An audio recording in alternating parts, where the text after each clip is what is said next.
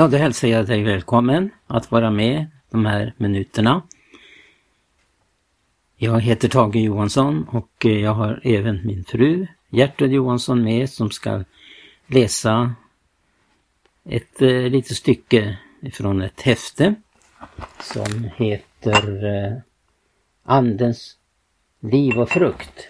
Men det, det är eh, något speciellt i den här lilla häftet som berör eh, hur man ska vara redo för Jesu tillkommelse. Och det är det jag tänkte ta upp i det här programmet om eh, eh, vad lär Bibeln om Jesu tillkommelse? Eh, det är mycket märkligt i vår tid att eh, det finns mycket olika läror om eh, Jesu tillkommelse. Jag kom ihåg för länge sedan, det var en eh, eh under Maranatas första tid i Stockholm, hade precis begynt eh, med församlingsarbete där i Stockholm. Och den här, eh, eh det här tillfället så handlade det om bibelundervisning. Jag vet inte om vi ska kalla det evangelistvecka eller bibelskola. Men vittnen var i alla fall samlade ett antal dagar. Och då gick undervisningen eh, mycket att eh, handla just om, om Jesu tillkommelse. På den tiden var ju detta med Jesu tillkommelse så oerhört levande och det var väl det en av orsakerna till att eh, vi fick uppleva en mycket stark förnyelse. Bland annat eh, anledning av att eh, vi upplever att tiden är inne att verkligen förbereda sig för hans ankomsten står för dörren. Många gånger och vid många tillfällen sjöngs den här sången Anden har sänt oss bud, dagen är när. Ja, snart ute högt i skrud, hemåt det bär. Ja, det är uppenbart att vår Jesus kommer snart. Hämta med blixtens fart bruden så kär. Som sagt finns det många olika läror idag om detta. Men eh, vid det här tillfället så var det faktiskt också på det viset innan det mer mognade fram med åren. Det här var ju på 60-talet. Och i de här eh, bibeldagarna vi var samlade då i Stockholm så kunde man konstatera efter vi har haft de här dagarna av bibelundervisning att eh, någon talade om att Jesus eh, kommer före, ved, med, före vedermödan. Någon annan undervisar när Jesus kommer i ved, mitt i vedermödan. Och en, en, den tredje läran handlar om att Jesus kommer efter vedermödan. Ja, men det är märkligt att i, just i våra dagar finns det mycket, många olika läror om just detta som har att göra med tidsålderns avslutning, Jesu tillkommelse, judafolket och det här nu som vi upplever sker utöver vår värld. Man skrev ju en gång en sång för länge sedan som lyder så här. Tidstecken visar att Herren är nära. Snart kommer Jesus igen. Och kören lyder jag, snart är han här, snart är han här. Snart kommer Jesus igen. Och man sjöng med stor inspiration den, den här sångerna som handlade om hans återkomst. Men på senare tid då, när vi upplevde Maranataväckelsen, så eh, var det så här att eh, vi fick ju uppleva att eh, man kan inte studera sig fram till eh, att få insikt i Guds ord på det viset att man, man gör det utifrån sina egna möjligheter. Här måste det någonting mera till. Och det är oerhört intressant det här att eh, eh den helige Ande förmår att uppenbara för oss Bibelns sanningar så att vi kommer rätt i de olika frågorna. Eh, nu är det visserligen så här att det finns ju då också mycket som inte direkt är de frälsande sanningarna. Men det är mycket ändå har stora konsekvenser med att eh, eh, det blir en fel inriktning genom att man Eh, tolkar Guds ord efter sin egen förmåga. Det, det är ju så här att eh, eh, då det undervisas om, om, om, de, om de bibliska sanningarna så är det ju alltid frågan om att eh, den som undervisar att det ska prövas. Och det var väl så man upplevde i Berea. Att när apostlarna förkunnade så hade man det klart för sig att eh, det som har sagts, det måste man pröva och man gick hem och man forskade i skrifterna, står det, för att se om det förehöll sig som det sades.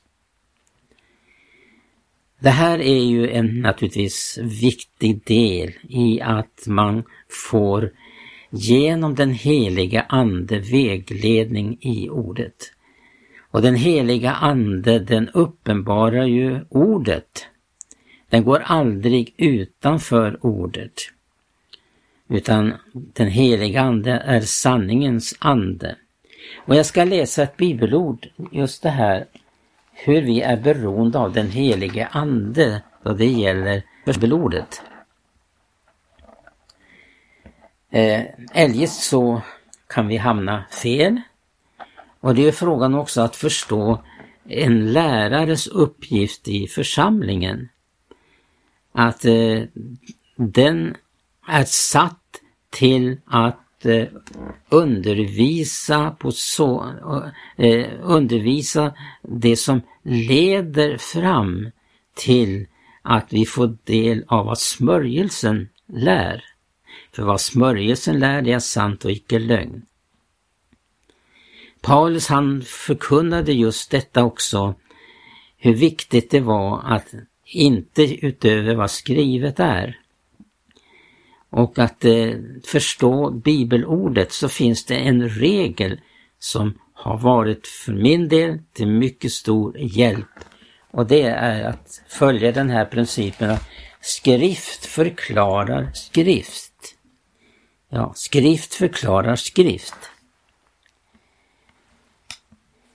Det finns då det som kommer med olika läror där man eh, liksom favoritiserar vissa bibelställen eller man gör också som till exempel Jehovas vittnen som har byggt upp en lära genom att ta ut bibelord från sitt sammanhang och bygger upp en lära av det.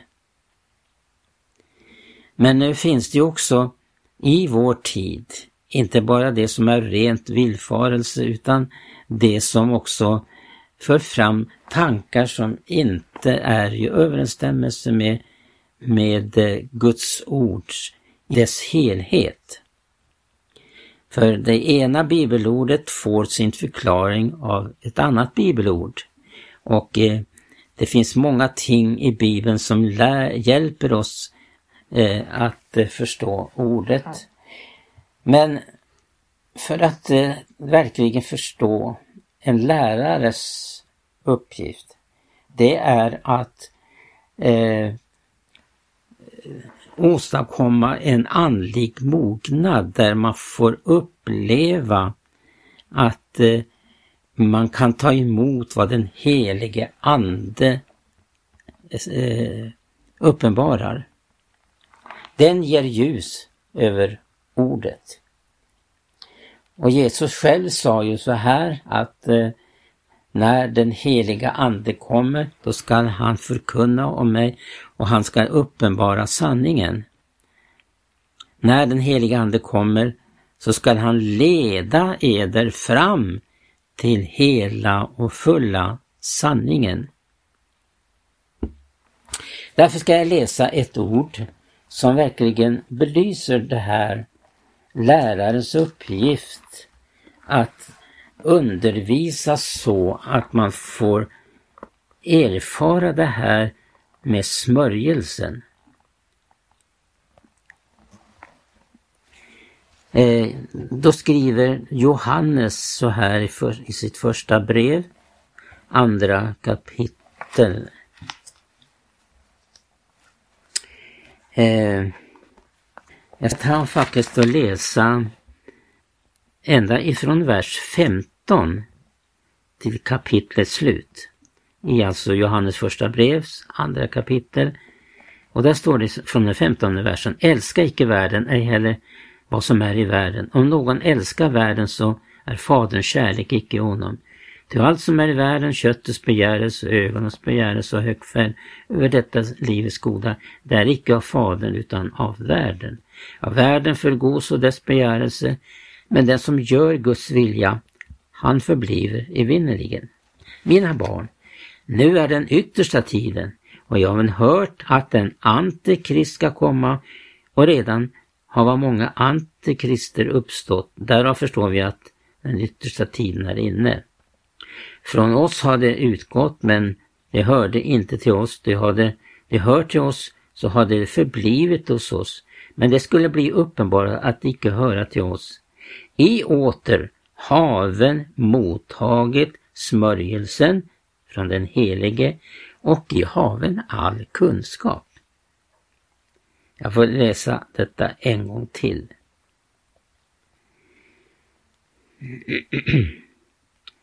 eh, I åter haven mottagit smörjelsen från den helige och i haven all kunskap. Eh, jag skriver till eder, icke därför att icke känner sanningen, utan därför att de känner den och veten att ingen lögn kommer av sanningen. Vilken är lögnare om icke den som förnekar att Jesus är Kristus? Den är antikrist, denne som förnekar Fadern och Sonen. Varken som förnekar Sonen, han har icke heller, har icke heller Fadern, och den som bekänner Sonen, han har och Fadern. Här står det nu ifrån den 24 versen något mycket vägledande för att kunna mottaga kunskap genom Andens smörjelse. I åter skolen låta det som jag haven hört från begynnelsen förbliva eder. Och det som jag haven hört från begynnelsen förbliva eder, så skulle ni och förbliva i Sonen och i Fadern. Och detta är vad han själv har lovat oss det eviga livet. Detta har jag skrivit till eder med tanke på det som försöka som söka förvilla eder. Men vad eder angår så förbliver i eder den smörjelse jag haven undfått från honom och det behövs icke att någon undervisar eder. Det var hans smörjelse lär eder om allting. Det är sant och är icke lögn. Förbliven alltså i honom så som den har lärt eder. Ja, kära barn, förbliven nu i honom så att när han en gång uppenbaras kunna frimodigt träda fram och icke med skam nödgas gå bort ifrån honom vid hans tillkommelse.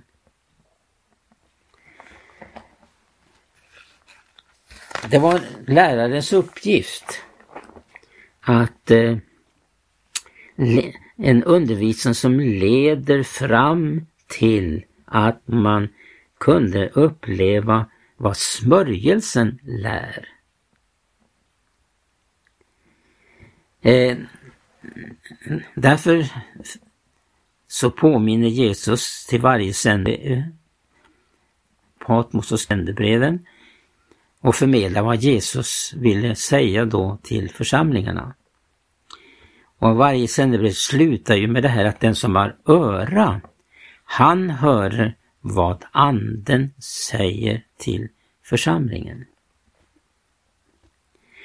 Det här går utöver människans förmåga att tänka ut och eh, eh, lägga ut skriften på ett sådant sätt att det inte stämmer överens med helheten. Det finns en helhet i Guds ord. Det finns en plan för Gud.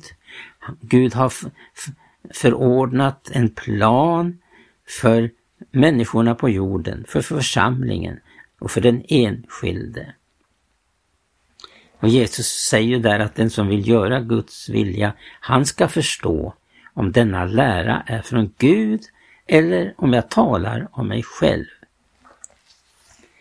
Jesus talade allenast det som blev uppenbara för honom genom av Fadern. Eh, då det gäller att man framhåller idag till exempel att, eh, att eh, församlingen, det är inte bruden, det är Israel, säger man. Och man också förvillar sig genom att man tar fasta på fel ting. Jag vet, jag hörde talas om, ja, det var förresten missionär Stig Andreasson som nämnde om det här att eh, eh, då eh, det gällde de här tingen om Jesu tillkommelse.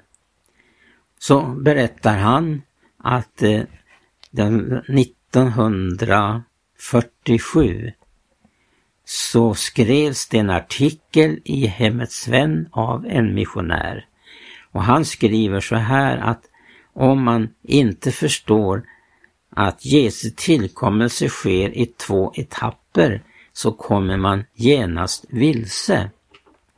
Alltså Jesu tillkommelse handlar om två etapper. För det första så kommer han ju osynlig. Det är helt uppenbart.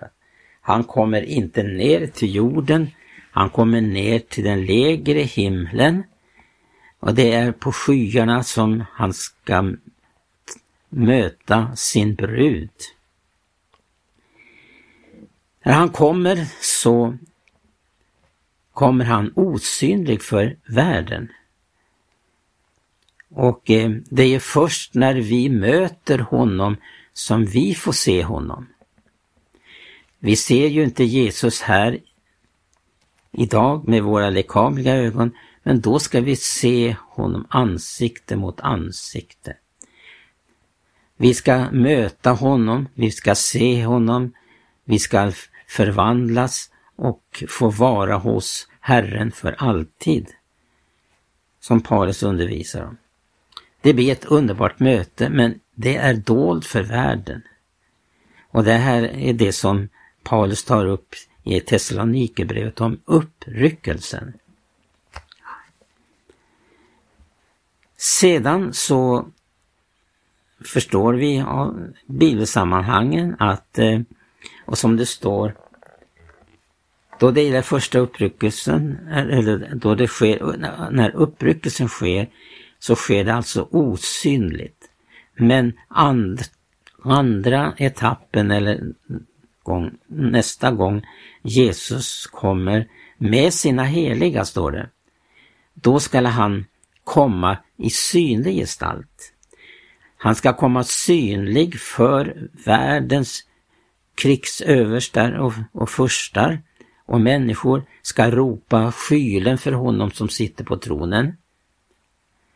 Man kommer att eh, få uppleva en fruktansvärd situation när han uppenbarar sig. Och även judarna ska få erfara att de ska få se honom. Och då går det här i uppfyllelse det här att eh, eh, Jesus säger att eh, eh eller då änglarna som ni har sett honom fara upp när han får hans himmelsfärd. Så som han har farit upp i synlig motto så kommer han tillbaka i, i synlig gestalt så som han far upp så kommer han tillbaka och han kommer också tillbaka på samma ställe som han for upp en gång. Och då står det att också inte bara världen skall se honom, utan också judarna ska se upp till honom, står det, som de har stungit. Och det här blir ju då eh, ett tillfälle då judarna kommer att uppleva eh, ett gudomligt ingripande där de också upplever att det var Messias som en gång kom. Det är ju eh, så att eh, man har fortfarande inte den tron att Jesus har kommit. Man väntar på Messias. Men eftersom man förkastade Messias så kommer man istället i vedermödan att ta emot en annan, står det. När det kommer någon annan i, mitt, i, i sitt namn, sa Jesus till judarna, då ska ni ta emot honom. Ja, det, det här är bara några tankar, men eh, det är väldigt viktigt att eh, vi får uppleva den heliga Andes smörjelse i det här. Och därför så kom det många sånger i den här förnyelsen av Jesu tillkommelse som lyder så att eh, O Jesus kär, när skall du hämta bruden? Och eh, i den sena midnattstid kämpar bruden här sin strid. Det var sånger som den heliga Ande gav människor att skriva och som påminner om vad som sker när Jesus kommer. Han kommer för att hämta sin brud. Som sagt, några tankar om de här tingen. Sök dig närmare Jesus. Se till att du verkligen älskar hans tillkommelse. Eh, vi får återkomma till det här nu eh, för att eh, eh vi, jag sa att vi skulle, Gertrud skulle läsa en skrift här, men det får vi eh, ta nästa gång i nästa program. Gud välsigna dig och eh, vi önskar dig allt gott och på återhörande.